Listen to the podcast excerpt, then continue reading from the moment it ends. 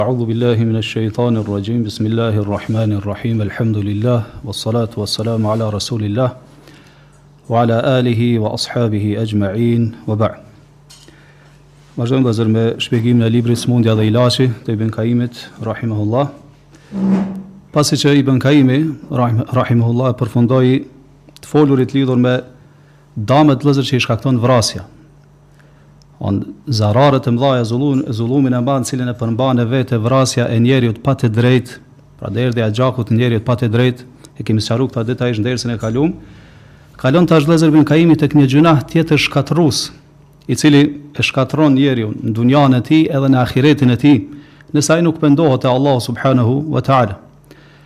Pra i ka marrë shu gjynahët si kanë ardhur në mënyrë të renditshme Duke e shiku do të thotë damin cilën ato e përmbajnë në vete.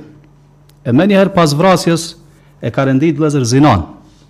Pra imoralitetin. Vëllezër padyshim që ashtu sikur vrasja që është krim i madh, edhe zinaja, imoraliteti është krim shumë i madh. Ngaqë damet vëllezër, cilat i përmban në vete zinaja janë shumë të mëdha. Pra dëmtohet personi i cili e kryen zinan, po ashtu dëmtohet edhe shoqëria ku ai jeton. Bahet shkak që do të thotë m'u shkatrru familjet, m'u shkatrru do të thotë rrethi i muslimanve, me zbrit dënime të ndryshme të Allahu subhanahu wa taala. Për atë arsye vëllezër Allahu në Kur'an ka thonë wala taqrabu zina. S'ka thonë mos, shikoni, s'ka thonë mos boni zina. Mirëpo ka thonë mos ju afroni zinas. Pse thot innahu kana fahishatan wa sa'a sabila? Sepse ajo është punë e ndytë. Punë e flliqt, wa sa'a sabila, dhe është rrugë shumë e keqe, cilës i qaset njeriu. Vëllezër dami i zinas vëllezër është dëm shumë i madh. Pasojat e saj janë shumë të mdhaja. Po njeri, do thotë e nëpërkamb nde, e nëpërkamb nderin e tjetrit, po ashtu domethanë e, e shkatërrohet ajo el, el ansab, do të thotë që atribuimi i fëmijëve i bahet dikujt tjetër, jo babës së vet. Po ashtu vëllezër, domethënë nëpërkambet nderi i muslimaneve. E dame tjera të shumta, siç e përmendëm, zbritja e dënimeve të mdhaja të Allahu subhanahu wa taala që do t'i marrim më vonë. Vëllezër, Allahu subhanahu wa taala e ka përmend zinan në Kur'an së bashku me vrasjen. E pikërisht prej kësaj dijetarët kanë ardh në përfundim se do thotë menjëherë pas vrasjes renditet çka zinaja.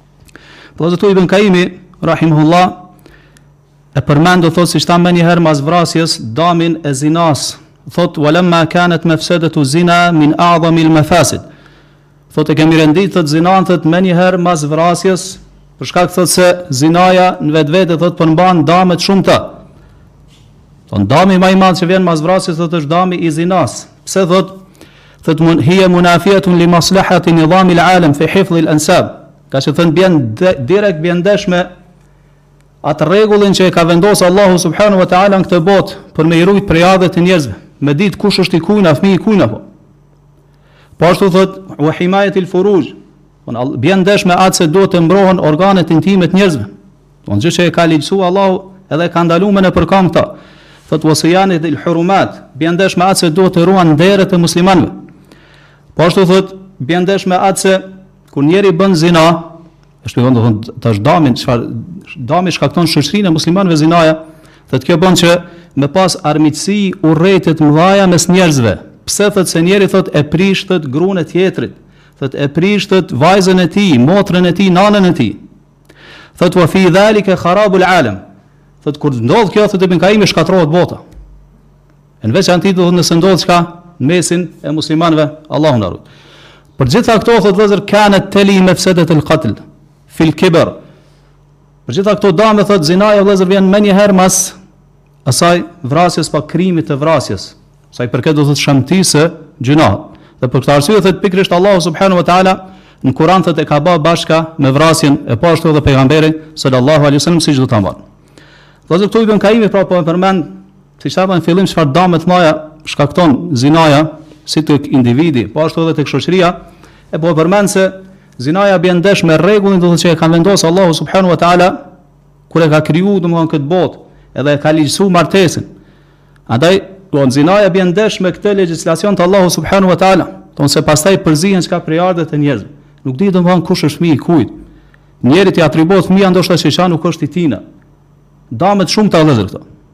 Po ashtu, bjen ndesh me atë se, domethanë, zinaja i nëpërkamb vlerat e larta shoqërore edukatën e madhe, që duhet me pas muslimani, lidhjet që duhet me pas vllazër muslimanët mes vete.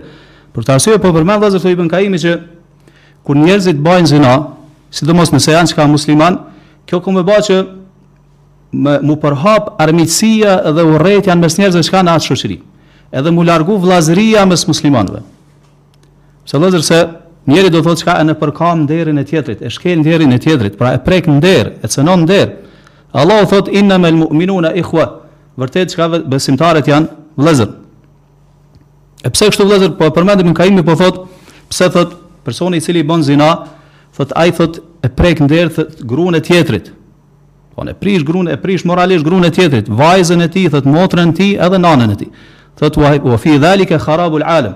E kjo thotë bën që mu shkatrru bota. Andaj vëllazër kjo gjitha këto pra na tregojnë se sa e shëmtuar është zinaja. Shkoni vetë thoi Ibn Kaimi po e përmend, do të thotë n'mënyrë detajuar Po fillimisht se se njeri e prek, domethanë, n'nder çka, grunë e tjetrit, nanën e tjetrit, vajzën e tjetrit, motrën e tjetrit,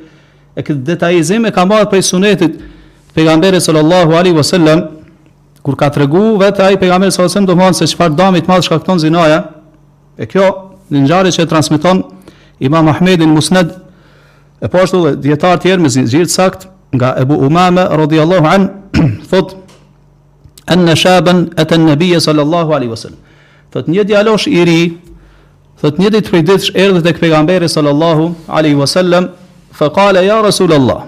Dhe i tha o i dërgumi i Allahut, shkoni pejgamberi sa ka qenë duke nejt me shokët e tij. Edhe ai ka ardhur ky djalosh. Edhe i ka thënë o i dërgumi i Allahut, a te'dhenu li fi zina. A më jep leje me ba zina.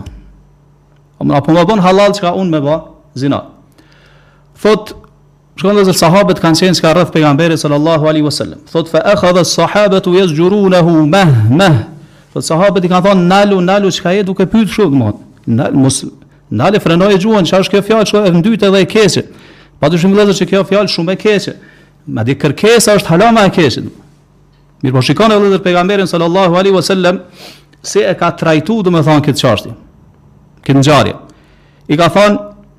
Udnu, afrohu i ka thonë atij. Edhe ka fillu vëllazër me ja ba disa pytje cilat realisht ja kanë kthjell zemrën dhe mendjen këtij djaloshit edhe ja kanë zgju nga ajo gafleti që e ka kaplu prej epshit madh. Edhe i ka thonë shikoni, kale leh, i ka thonë, e tuhibbuhu li ummik. A ki qef që dikush me ba zina me nanën tane? Ka thënë, Ju'iltu fidaka ya Rasulallah, wallahi la uhibbuhu li ummi. Ka thënë, u bëfsha kurban për ty, o i dërgum i Allahut. Ka thënë, nuk kam qef, domethënë se këta nana me ra n'kësi gjynahu. Thot pejgamberi sallallahu alajhi wasallam i ka thënë, "Wa kadhalika an-nas la yuhibbunahu li ummahatihim." Kështu edhe njerëzit tjerë nuk kanë qef që nanat e tyre çka me ba zina. Pastaj i ka thënë e tuhibbuhu libnetik, a ki qef që vajza jote me ba ni gja të tillë? Prapë ja ka kthy njëjtën përgjigje, prapë i ka thënë pejgamberi sallallahu alajhi wasallam, "Wa kadhalika an-nasu la yuhibbunahu li banatihim." Kështu njerëzit domthon nuk e kanë qef këta edhe për vajzat e tyre. Pastaj ka thënë e tuhibbuhu li ukhtik, A ki qef që domthon motra jote me ra n'zina, prapë ja ka kthy njëjtën përgjigje prapë pejgamberi sa selam i ka thënë kështu edhe njerëzit domthon nuk kanë dëshirë që motrat e tyre me ra n'zina. Pastaj i ka thënë e tuhibbuhu li ammatik. A ki qef domthon që me ra n'zina halla jote? Pastaj i ka thënë tezja jote kështu me radhë, gjitha këto ja ka përmend edhe ai domthon ju ka përgjigj me të njëjtën përgjigje prapë pejgamberi sa selam i ka thënë kështu njerëzit pra nuk kanë dëshirë që hallat e tyre, tezet e tyre domthon me ra n'zina.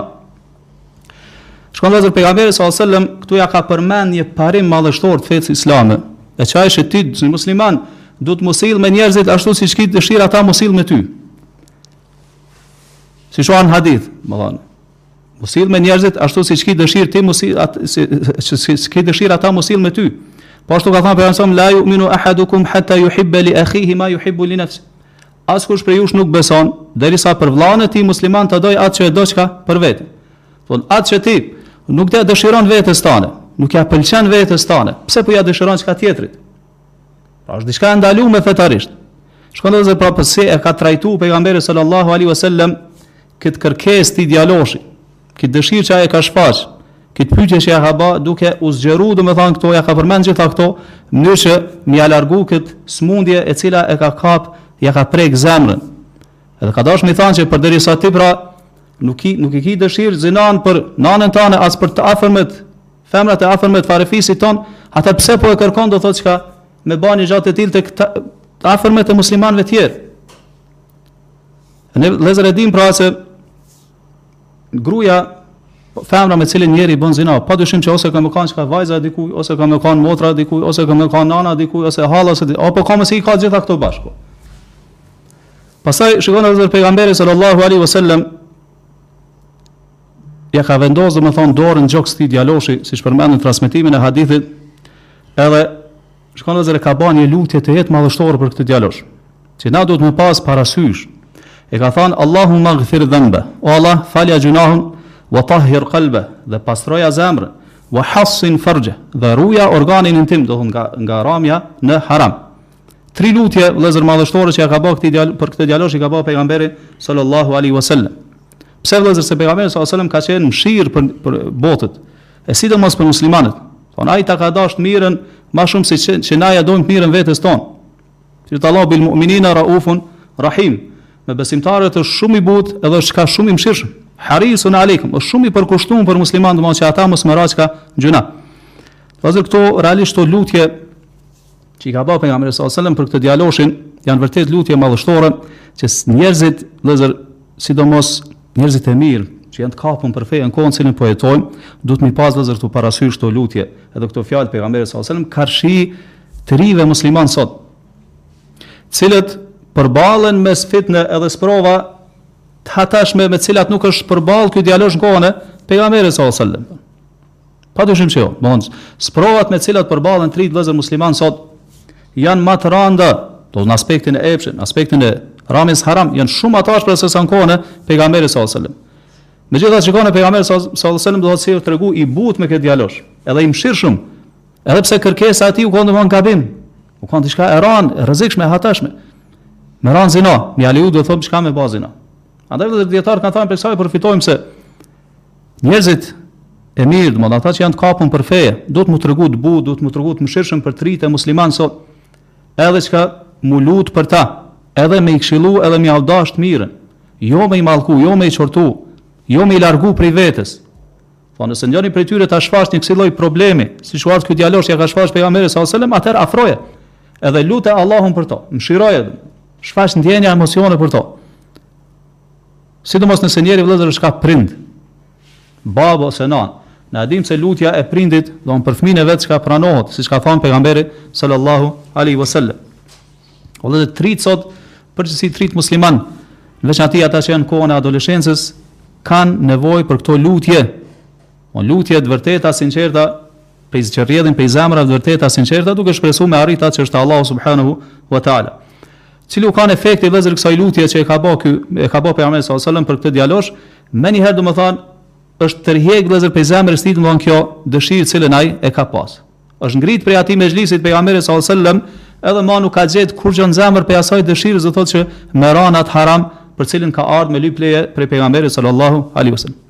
Tri gjëra vëllezër. Shikoni, ka treguar mëshirë pejgamberi sallallahu alajhi wasallam për to.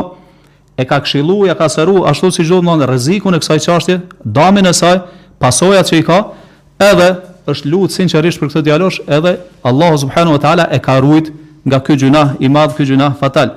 Kështu vëllezër duhet me kanë muslimanët mes vete. Domethënë kur e shef vllahun tond musliman, i cili ka ra, do të thotë n'gjynah, apo se apo po don me ra n'gjynah, do të thotë duhet me ia ngjit dorën vëllezër, duhet me ia ngjit krahun, jo me e largu prej vetes. Sidomos kohën në cilën po jetojmë, jo më e bojkotu. Pastaj e dini vëllezër rastin kur në kohën e pejgamberit sallallahu alajhi wasallam ka ndodhur ai sahabiu që ka pi alkool, shoku i pejgamberit sallallahu alajhi wasallam ka pi alkool. Edhe njerëzit kanë filluar do thot me i ra, me godit, dikush me çka ka, çka ka qillu n'dorë, dikush me me sandale, dikush me, me ato të mbathura që ai ka pas. Edhe kur pasi që e kanë godit, Tregon ai transmetues se disa e kanë mallku. Ka thënë Allahu e mallkoft, sa shumë po pin alkool, Allahu e poshtroft. Pejgamberi sa selam ka thënë jo. Ka thënë se është njeri i cili e do Allahun edhe pejgamberin sa selam. Thot la tekunu aunen li shejtani ala akhikum. Mos u bëni ndim e shejtanit kundër vllaut tuaj. Domethënë duke e lut Allahun çka kundër ti. Mirë po çka lutni për to. Domethënë që Allahu çka me udhëzu, me forcu zemrën e kështu me radhë.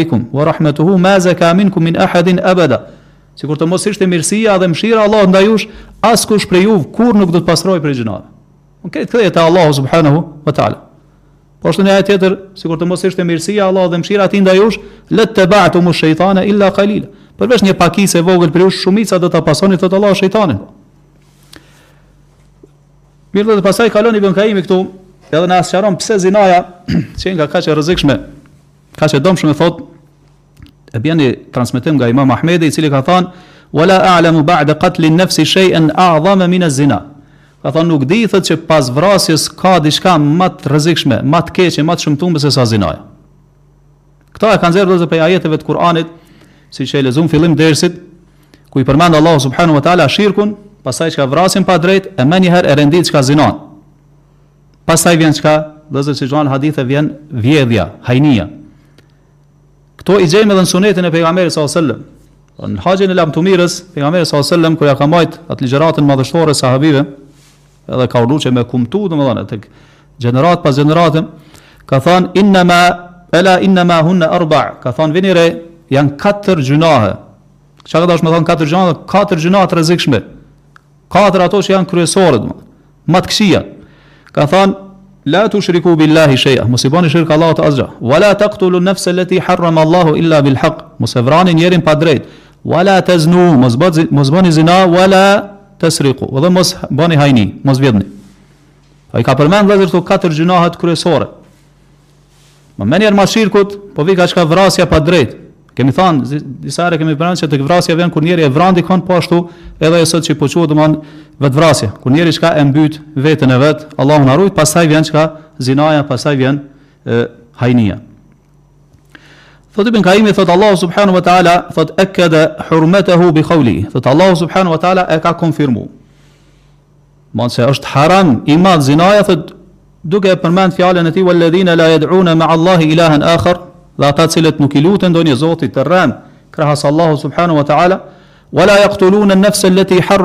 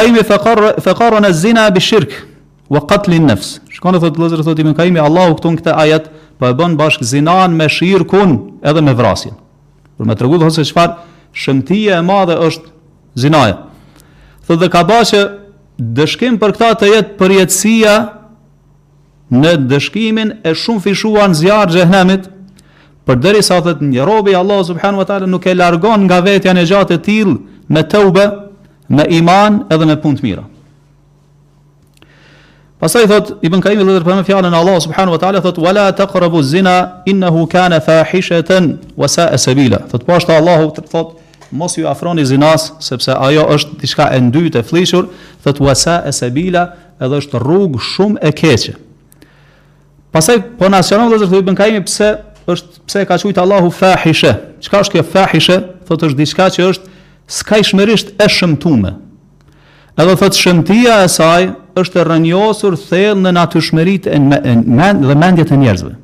Krejt njerëzit domethënë, vëllezër e dinë që zinaja është e keqe.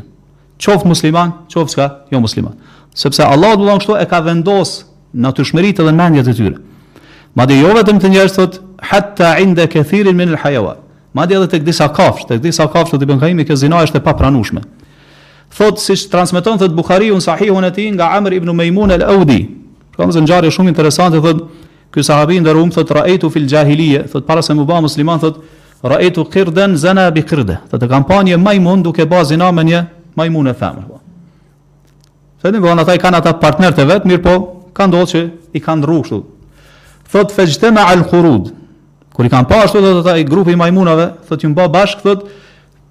Alejhima i kanë rrethu thot faraxhamuhuma hatta mata. Edhe i kanë gju me gurë derisa i kanë myt.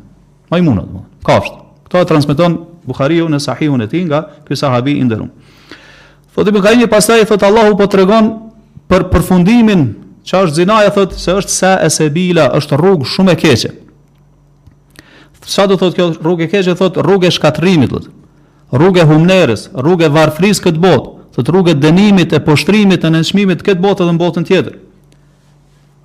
Vëllezër këtu po tregon pra Ibn Kajimi pse Allahu e ka qujt pra zinan fahishe edhe po sqaron se diçka ajo që është fuhsh fahishe në gjuhën arabe edhe në terminologjinë islame do të thotë se është diçka skajshmërisht e shëmtuar edhe e keqe Edhe është diçka domethënë që shëmtia e saj është e rrënjosur thellë në mendjet e shëndosha të njerëzve, edhe në natyrshmëritë e tyre.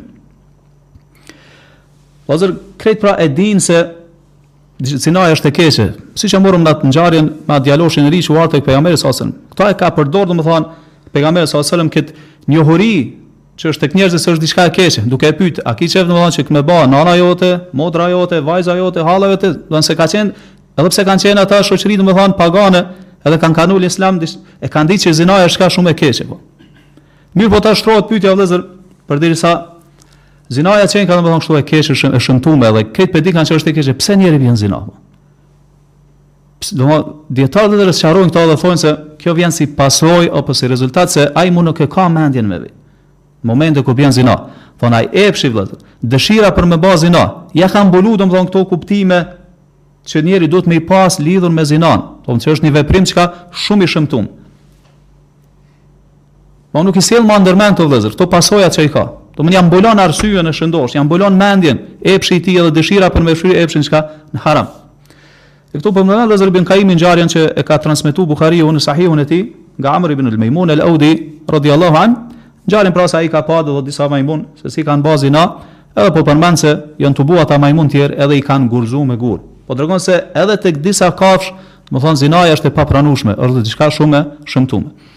Pastaj po tregon se është sa e sebila, rrugë e keqe. Po përfundon Allahu këtë ajet, po tregon pasojën ku të çon zinaja. Ku është domethënë fundi i zinas është sa e sebila. Domethënë është rrugë e shkatrimit. Rrugë e poshtrimit e nënçmimit këtë botë edhe në botën tjetër. Domethënë përfundimi i saj vëllazër nuk është i mirë. Përfundimi i saj, domethënë ka me kanë i keq. Në këtë botë, e në veçanti n'botën tjetër ku njeri siç thamë përballet me dënim t'ashpër t'Allahut subhanahu wa taala. Po ashtu vëllazër zinaja, siç do të marrim më vonë domethënë disa dame që i shkakton zinaja, zinaja shkakton edhe smundje t'ndryshme, domethënë defekte t'ndryshme në rizkun e njerit, shëndetin e njerit, domethënë suksesin e tij në jetë, mendjen e tij, zemrën e tij, trupin e tij e kështu me radhë. Pastaj vëllazër Ibn Kajimi, Rahimahullah, e përmend se si Allahu subhanahu wa ta'ala e ka ndërlidh suksesin e njerit, shpëtimin e njerit këtë botë edhe në botën tjetër me rujtjen çka të shikimit. Rujtjen e shikimit çka nga, nga harami. Pse po na përmend vëllazër Ibn Kajimi tash pse po del te shikimi, po do me tregu se hapi i parë drejt zinasë është shikimi. Hapi i parë që ndërmerr njeri, Drejt zinasë është shikimi. Për këtë arsye Allahu e ka ndaluar edhe shikimin haram, se është rrugë që çon çka drejt zinasë. Dhe thotë vëllazër Ibn Kaimi rahimahullah thotë wa allaqa subhanahu falah al-abd ala hifdh farjihi minhu. Ka ndërlidh shpëtimin e njeriut, do thotë në rujtjen e organit të tij intim.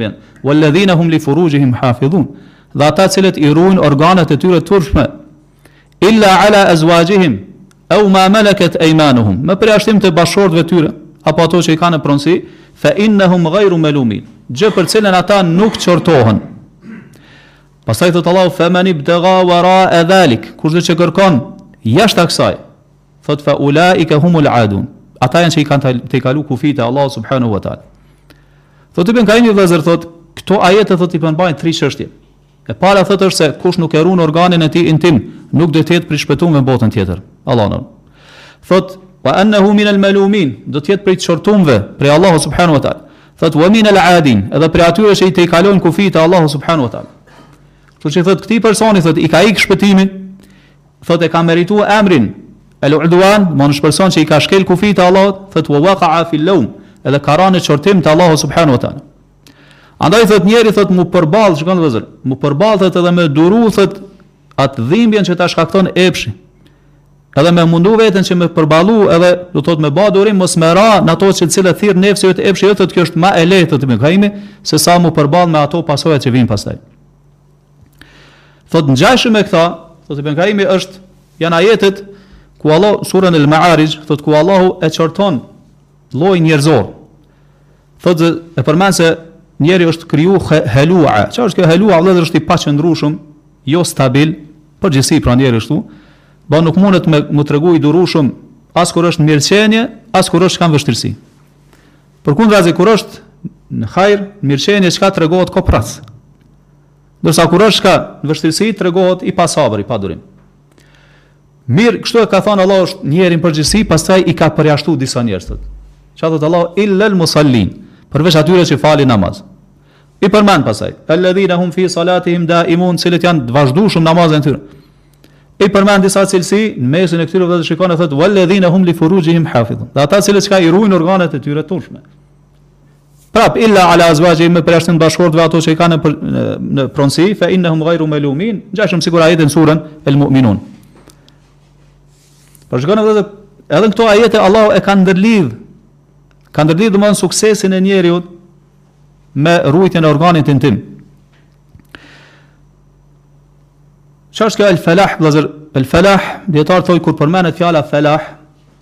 Është përmbledhja e mirësive të kësaj bote dhe të botës tjetër. Pra nuk ka në fenë islame fjalë më përmbledhëse për mirësitë e kësaj bote dhe të botës tjetër se sa fjala çka el falah. Pra kur thu fi, filani e ka arrit falah, atëherë qëllimi është i ka arrit të mirat e kësaj bote dhe të botës tjetër. Ja shikoni edhe çka thot muezini hay ala sala, hay ala el falah. Eja në namaz, eja në falah në sukses në shpëtim. Domethënë eja aty ku është mirësia e kësaj bote dhe botës tjetër. Po. Mirëpo, po e përmend edhe këtu Allahu në këto ajete, sikur në surën Mu'minun, edhe në surën Ma'arij, që kjo, që kjo felah arritet me anë të disa shkaqeve. Nuk është vetëm pretendim, po duhet me kalu, domethënë disa faza që me arriti ata. E në mesin e tyre është që ti me rujt organin tënd intim nga zinaja. E po përmend edhe këtu Ibn Kaimi se këto ajete po tregojnë se personi i cili nuk e ruan organin e tij intim nga zinaja, nuk do të jetë prej të shpëtuarve, pse se është tregu i mangët në njërën prej atyre cilësive me të cilën i ka cilësuar Allahu besimtarët që do shpëtojnë në ahiret. Po ashtu po tregon se është minel melumin. Ajetet na tregojnë se është minel melumin, do të thotë është i çortum prej Allahu subhanahu wa taala. Kur je i çortum do thotë ti e meriton ndëshkimin, e ke ekspozuar veten ndaj ndëshkimit të çortimit të Allahut. Edhe është minel adin.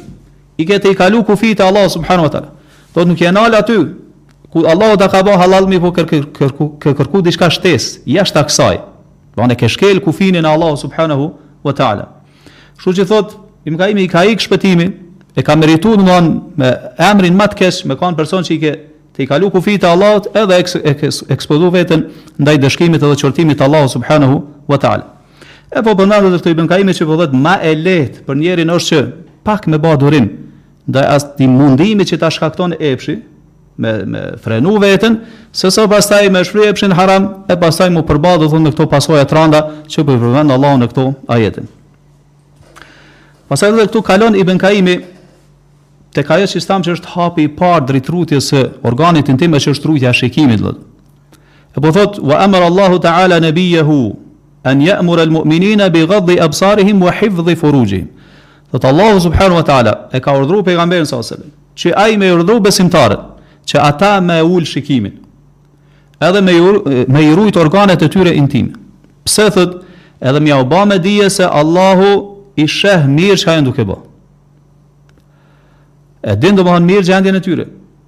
Thot jalamu khainet al a'yuni wa ma tukhfi sudur. Allahu e di shikimin e përvjedhur të synit dhe atë që e fshehin gjoksat, zemrat e njerëzve. Ibn Abbas kur e ka sqaruar vllezër këtë ajet, Allahu e di shikimin e përvjedhur të synit e ka marrë me një shembull, e ka sqaruar me një shembull. Ka thënë sikur personi kur është duke nejt me disa njerëz, domethënë me një grumbull njerëzve edhe para tyre thotë kalon çka një femën. Edhe ky thotë çka e shikon tinza. Mënyrë që ata shoqëria e tij mos me e pa që ky është çka duke e shikuar. Thot çka, ky është ai shikimi çka i përvjedhur. Mirëpo thotë edhe këta e din Allahu subhanahu wa taala. Nuk mundesh me u mshef Allahut. Po. Thotë Ibn Kaimi vëllezër, pasi që fillesa e krejt kësaj, thotë është vjen nga shikimi. Lirimi i shikimit. Thot Allahu subhanahu wa taala i ka dhanë përparësi rujtjes së shikimit nga ndaj rujtjes së organit. Shkon fillimisht e ka përmend çka? Rujtjen e shikimit, pastaj rujtjen e organit intim. Pse thot se gjitha ngjarjet ndodhi që ndodhin thot fillojnë nga shikimi thot Ibn Kaimi. Thot ashtu siç shumica apo pjesa më e madhe e zjarreve thot fillon nga ato gacat e vogla.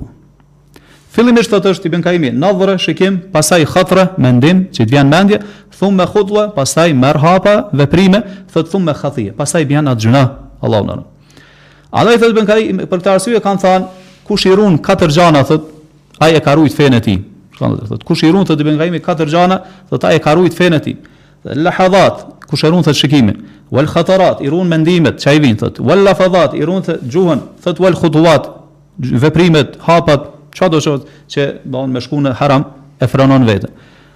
Andaj thotë Ibn Kaimi vllezër thotë robi thot i Allahut subhanahu wa taala duhet me kanë rojtar i vetvetes. Thot me i rujt kto katër dyer.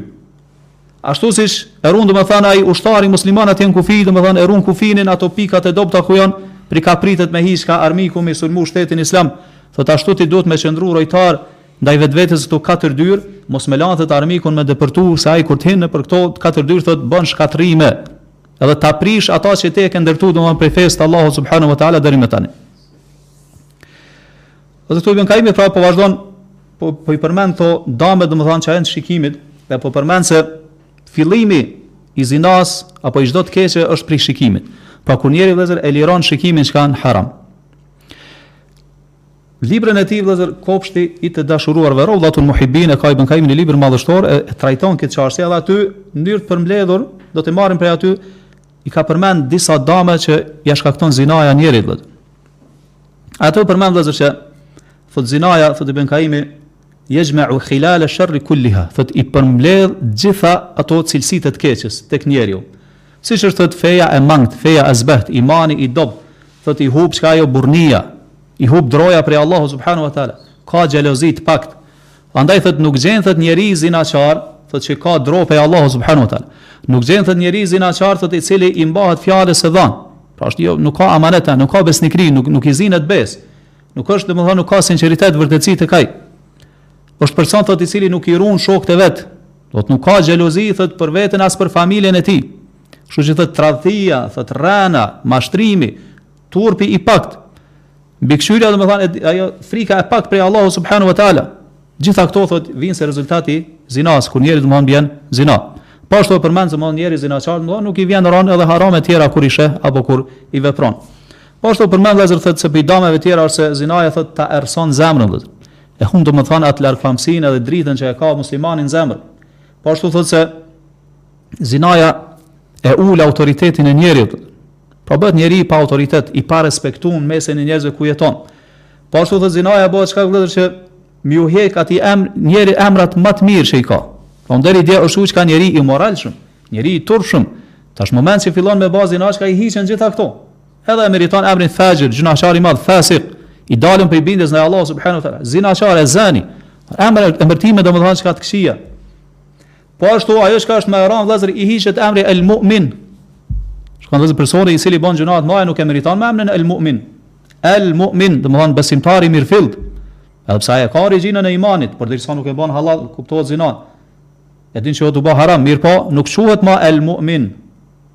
Domethënë besimtar i pakufizum po.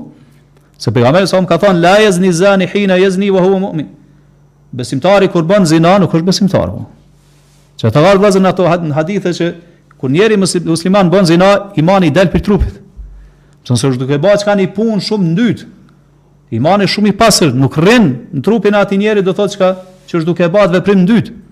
Ka në transmetime që domethënë i rrin mbi kokë sikur çka reja. Domthon prap e ka ni lidhje me to.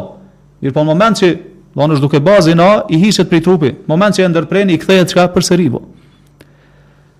Po ashtu vllezër, prej pasojave të randa tjera është se njeri do të me zina e ekspozon veten siç thamë ndaj dënimit të Allahut subhanahu wa taala në këtë botë, po ashtu edhe në varr Edhe kemi marrë hadithin e ka përmend këtu Ibn Kajimi se si Allahu do thotë i dënon zinaçarët në jetën e varrit, e kemi përmend se si n'andërr i ka pa pejgamberi s.a.s.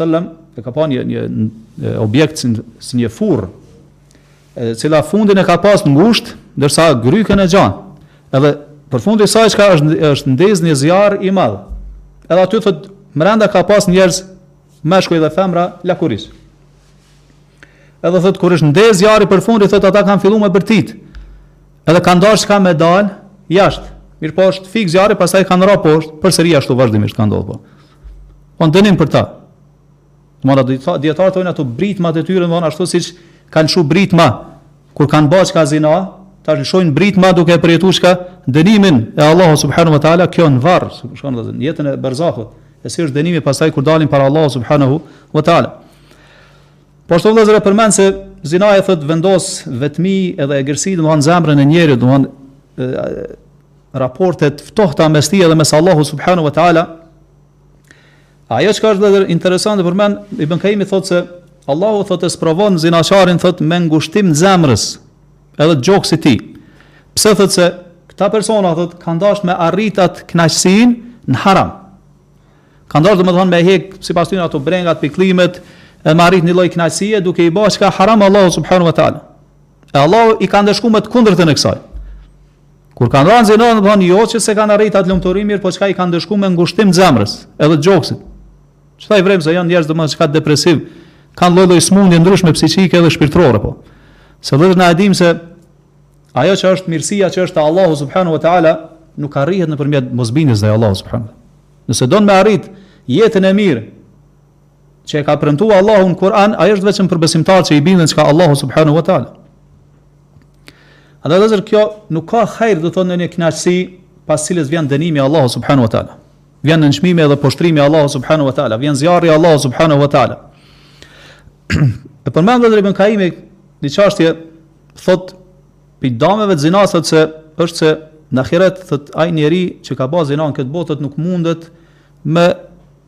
U kënaq me hyrit që janë xhenet. Si ndëshkim për zinan që e ka bërë në kit botë. Thot, shikon e bën kjas ibn Kaimi. Bën analogji, thot, ashtu siç Allahu subhanahu wa taala thot e ndëshkon personin i cili ka vesh mëndafsh, edhe ka pi alkool në këtë botë. Siç janë hadithet se nuk ka me pi çka në ahiret, thot ngjashëm edhe kështu. Personi i cili bën zina, apo çfarëdo lloj gjynah të madh, thot ka mu privu prej asaj kënaqësie në ahiret. Kjo është mendim domethënë vëllazër i ibn Kaimit, E ka marrë shumë prej haditheve, mirëpo nuk ka domethënë hadith të qartë prej pejgamberit sallallahu alajhi wasallam lidhur me zinan. Për mëndafsh edhe për alkool po. Ka në hadithe që kush pin alkool në këtë botë apo vesh mëndafsh ka mu privu prej të mirave në xhenet. Sidoqoftë, dijetarët vëllazër thonë që nëse njeri çka pendohet, na e morëm ajetin illa men tab. Nëse pendohet, bën punë të mira edhe vazhdon ashtu, padyshim që Me lejen e Allahut, domethënë i arrin këto kënaqësi. Po ashtu thotë vëllazër ibn Kaimi thotë zinaja, thotë e bën njerin guximshëm që ai me i shkput lidhjet farefisnore, mu tregu i pabindur ndaj prindërve, edhe me punu me lyp rrizkun n'form haram. Me iu ba thot padrejsi të tjerve. Tregohet zinaçari thot është person i cili tregohet i shkujdesur ndaj familjes vet, ndaj bashkëshortes së tij dhe fëmijëve të tij. Madje thot ndodh që Zinaja thotë e çon që edhe me e myt dikun. Kështu që edhe e dini domethënë, që ndodhin raste ndryshme, edhe po ndodhin vazhdimisht po. Madje thotë ndodh që ndoshta nuk mundet me arrit deri tek një femër e caktuar, për shembull, çka bën thotë përdor ndoshta edhe sihr. Po. Tani bjen në çka në shirk krejt Allahu na rujt. Ai nëse është sihri i tillë që përmban n'vete çka shirk, Allahu na rujt domethënë dal prej fesë krejt. Po janë pasoja domethënë edhe të rrezikshme, edhe shumë të dëmshme për njeriun, si në këtë botë, si për botën tjetër, qata e përmend vëllazër ibn Kaimi thotë zinaja, thotë është krejt e rrethuar me haram. Thotë para se me ra n'zina, kur bjen n'zina dhe mas zinas. Krejt domethënë është e rrethuar me çka me haram. Edhe thotë nuk ka diçka që sjell të këqija në këtë botë dhe në ahiret, sikur zinaja, edhe nuk ka diçka që e pengon njeriun prej të mirave të kësaj bote dhe botës tjetër sikur zinaja. Pastaj po e përmend këtu Ibn Kaimi se kur Allahu subhanahu wa taala i ka paralajmëru robrit e vet që mos me ra n'zina, duke tregu domethënë se sa e shëmtume është, po përmend se Allahu subhanahu wa taala i ka ndalu muslimanët që mos me i ndjek hapat apo rrugë që e çojnë njerin musliman drejt zinas. E hapi i parë vëllazër që është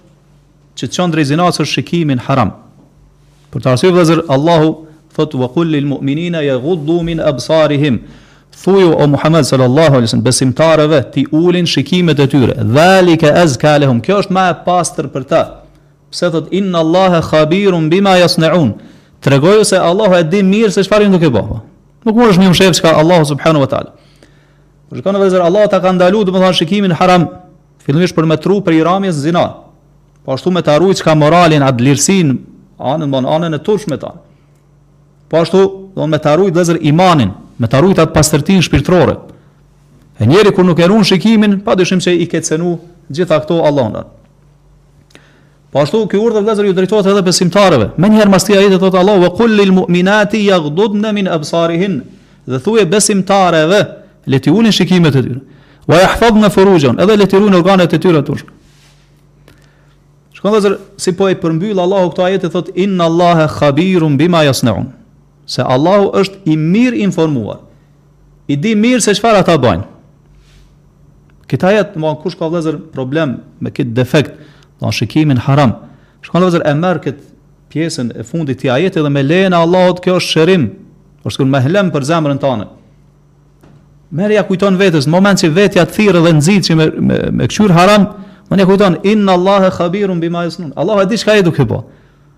Qysh më nuk po të vjen marre prej Allahut subhanahu wa taala?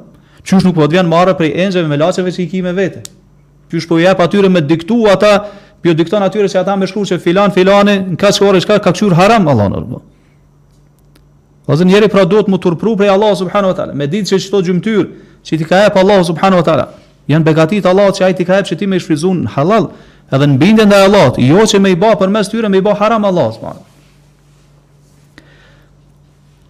Pra vllezër me pas frikë prej Allahut subhanu wa ta'ala edhe m'u turpru prej tij se zaten pse njeri bon haram vllezër sidomos kur është vetë kur nuk e sheh dikush pikërisht se ka defekt vllezër në turpin prej Allahut subhanu wa ta'ala në që kjo bindja jote se na e dim që Allahu na sheh mirëpo bindja prej bindjes dallon qeshtu dikush e ka bindjen e fort edhe në moment që don don me i ba haram Allahut subhanu wa ta'ala i kujtohet Allahu dhe tërhiqet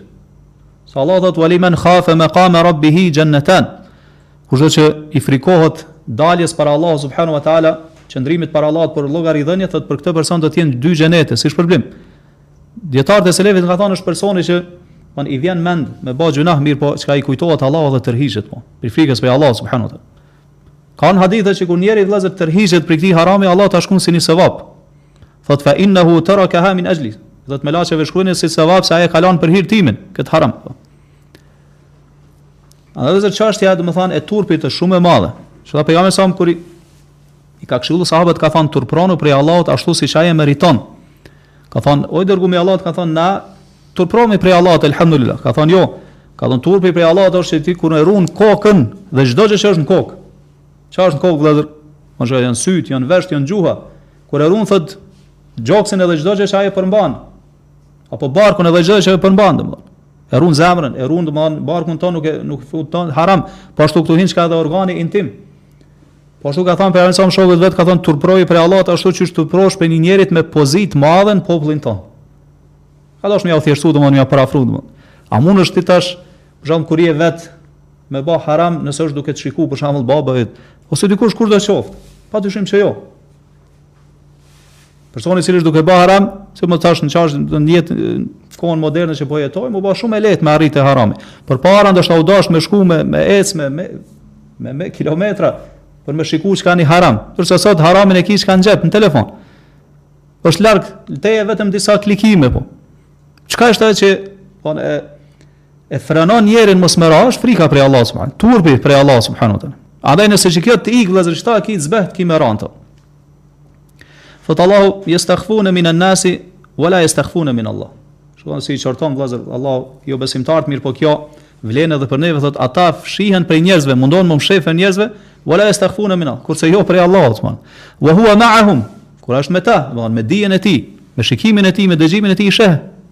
Edhe din se çfarë janë duke ba. Dhe çështja vëllezër e lirimit të shikimit haram, padyshim që ka pasoja të rana, siç thamë, sidomos në kohën cilën po jetojmë, me përhapjen e këtyre domthonë mjeteve të komunikimit moderne, rrjeteve sociale është ba diçka shumë e lehtë me arrit deri tek harami, edhe shumë njerëz janë dëmtu në fenë e tyre, pikërisht nga ana çka e shikimit. Sepse nuk i kanë përdor ashtu siç duhet vëllezër këto. Mirëpo çka i kanë keqpërdor? Edhe vetes i kanë hap, domethënë dyer të mëdha të sherrit edhe të fesadit, Allahu na ruajt. Këtu vëllezër ibn Kaimi po përmend se Allahu subhanahu wa taala shikon e i ka dhënë përparësi rujtjes shikimit para rujtjes çka të organeve intime. Për me tregu se fillimi i zinas vëllezër vjen pikërisht nga shikimi. Pikërisht vjen nga shikimi. Ne, na e dimë vëllezër siç thamë se kur Allahu subhanahu wa ta'ala e ka ndalu zinan, ka ndalu çdo rrug e cila mundet me çu njerin drejt zinas. Për këtë arsye Allahu shprehet ka thonë, wala takrabu zina, mos ju afroni zinas. Don kjo është dijetarët kanë thonë ndales nga zinaja, mirëpo është ndales nga çdo rrugë e cila çon çka drejt zinas. Pa marrë parasysh çka është. E mënyrë, domethonë, parësore çka hyn këtu është shikimi, pra kur njeri nuk e run shikimin e vet, e këtu ibn Kaimi, vëllezër po e përmend se, nëse njeri i run katër gjana, atëherë e run fenë e vet. Edhe thotë se, shumica e gjynaheve të njerëzve thotë hyjnë pikërisht prej këtyre katër dyrve. Hyjnë tek njeri prej këtyre katër dyrve, e po përmend se Për secilin do të do ta përmendë për një kapitull të veçantë, dhe po e marrim vetëm pak do vëllezër këta që është ndërlidhet me shikimin, masi kjo ndërlidhet çka me zinan, e këtu ibn Kaimi thot, sa i përket thot anës shikimit, thot fehije raidu shehve wa rasuluha, thot shikimi haram, thot vëllezër, është ajo thot që i paraprin epsheve, është ajo që e dërgon thot njerin drejt epsheve, kështu që thot kur njeri e run thot shikimin, Thotë kjo është origjina e rujtjes së organit intim. Andaj thotë personi i cili e liron shikimin, thotë ka me e shkatrru vetveten. Shkatrru kjo është vërtet porosi madhështore që të rinjtë sot duhet me pas, të rinjtë musliman duhet me pas parasysh këto. Me e kuptu ashtu siç duhet. Thot fe men atleka besarahu eurade nefsehu mevarid el muhlikat. Kushdo që e liron shikimin haram, thot le ta din se e ka fut veten në shkatërrim.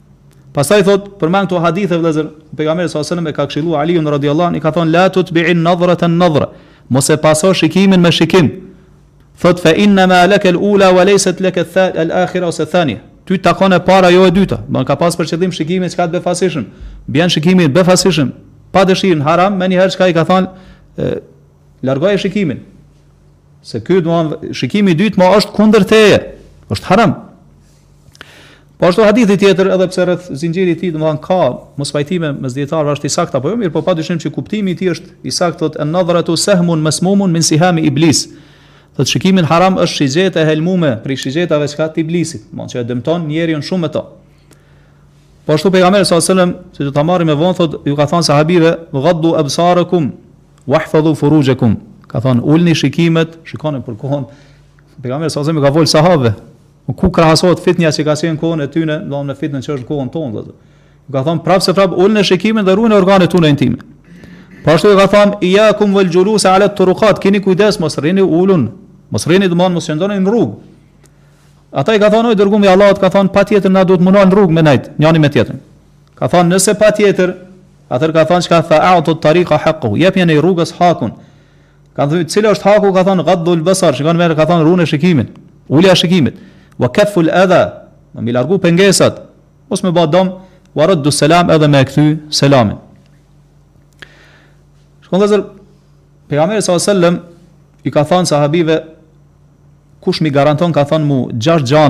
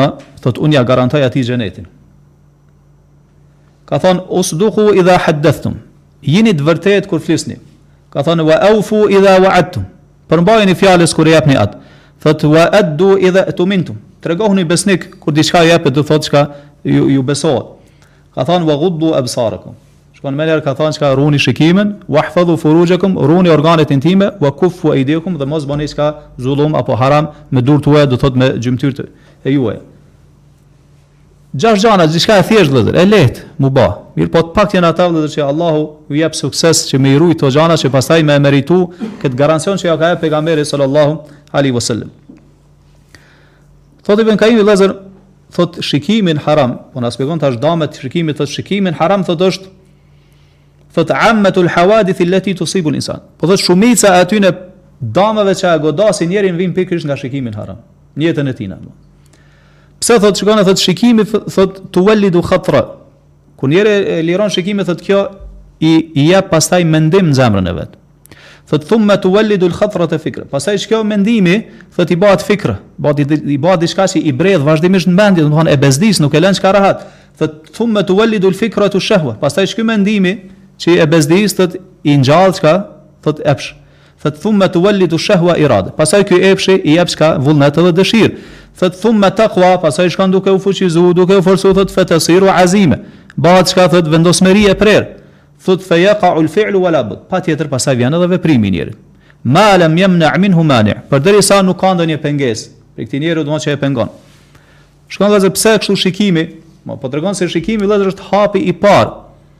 Pse vëllazër në origjinë, në esenc domethënë zemra, çdo gjë që arrin në zemër vjen prej shikimit edhe prej dëgjimit. Siç e kemi cek në derse të kaluara. Për ata vëllazër zemra dëmtohet shumë, më shumti nga ana e asaj që sheh njëri edhe dëgjon. Sheh diçka, i pëlqen, edhe kjo domethënë fut epsh në zemrën e tij, edhe e shqetëson edhe e bezdis. Pastaj kalon nëpër këto grada nivele që po përmend, derisa shejtani të cyt edhe të nxit që ai me ra përnjëmen n'haram. Gjitha këto prej nga kanë ardhë, pse ky domethënë nuk e ka rujtë fillimisht atë derën e parë që është dera e shikimit. Po. Po nuk e ka rujt shikimin, andaj është sprovu me gjitha këto gjana, po thot Ibn Kajimi përderisa nuk ka ndonjë penges që bëhet penges që ky mos me ra në haram, siç është frika prej Allahut subhanahu wa ta'ala, apo gjana të ngjashme me këto.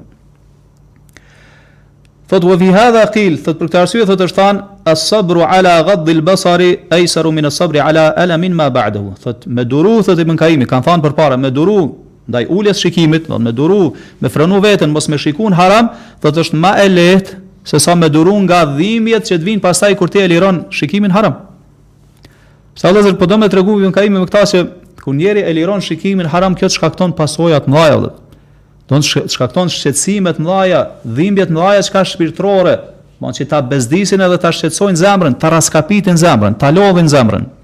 Kështu që domethënë ta dëmtojnë imanin edhe fen, lidhjen tande me Allahun subhanahu wa taala. Për ata më e lehtë është domethënë me ul shikimin edhe pshton prej gjitha këtyre po. Pasaj përmend pasaj vëllazër këtu Ibn Kajimi disa vargje poetike nuk do t'i përmendin këto. Thot pasaj prej defekteve të shikimit thotë se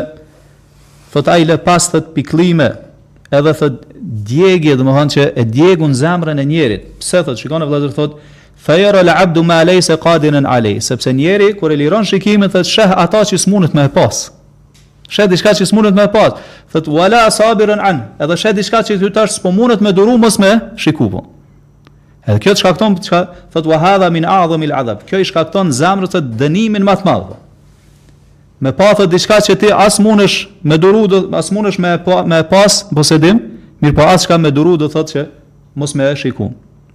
Mirëpo gjitha këto vëllezër trajtohen me këto porosi të Kuranit, të Kuranit edhe të pejgamberit sallallahu alajhi wasallam kur njëri çka e ul shikimin edhe nuk e liron shikimin. Pastaj thotë Ibn Kajimi thotë prej gjërave të çuditshme thotë vëllezër se personi i cili thotë e liron shikimin e hedh këtë shigjet thotë thotë kjo hedhja e shigjetës të shikimit drejt atij personi tjetër që e shikon thotë Nuk e godet ata pa e godit domethan pa i ba ven zemrën e tij edhe me me dëmtu domethan me plagos zemrën e tij me atë shikim po domethan mos mendo po domethan që ti me atë shikimin tond je vetëm duke e hedh shikimin drejt një harami mirëpo dije që je duke plagos domethan zemrën tonde atë shigjet ti je duke ja kthy çka zemrës tonde E ke plagos zemrën. Thot dhe më e çuditshme se kjo, thot anna an-nadhrata tajrahu al-qalb. Kur ai e di se që ky shikim po ja plagos zemrën, kështu që thot e plagos, plag, plag mas plage. Vazhdon të shiku haram, çka mas harami. Edhe që kjo dhimbja thot që ai, do e përjeton nga kjo plag thot, nuk e pengon që ky me vazhdu ende do thot me liru shikimin e vet Allahun.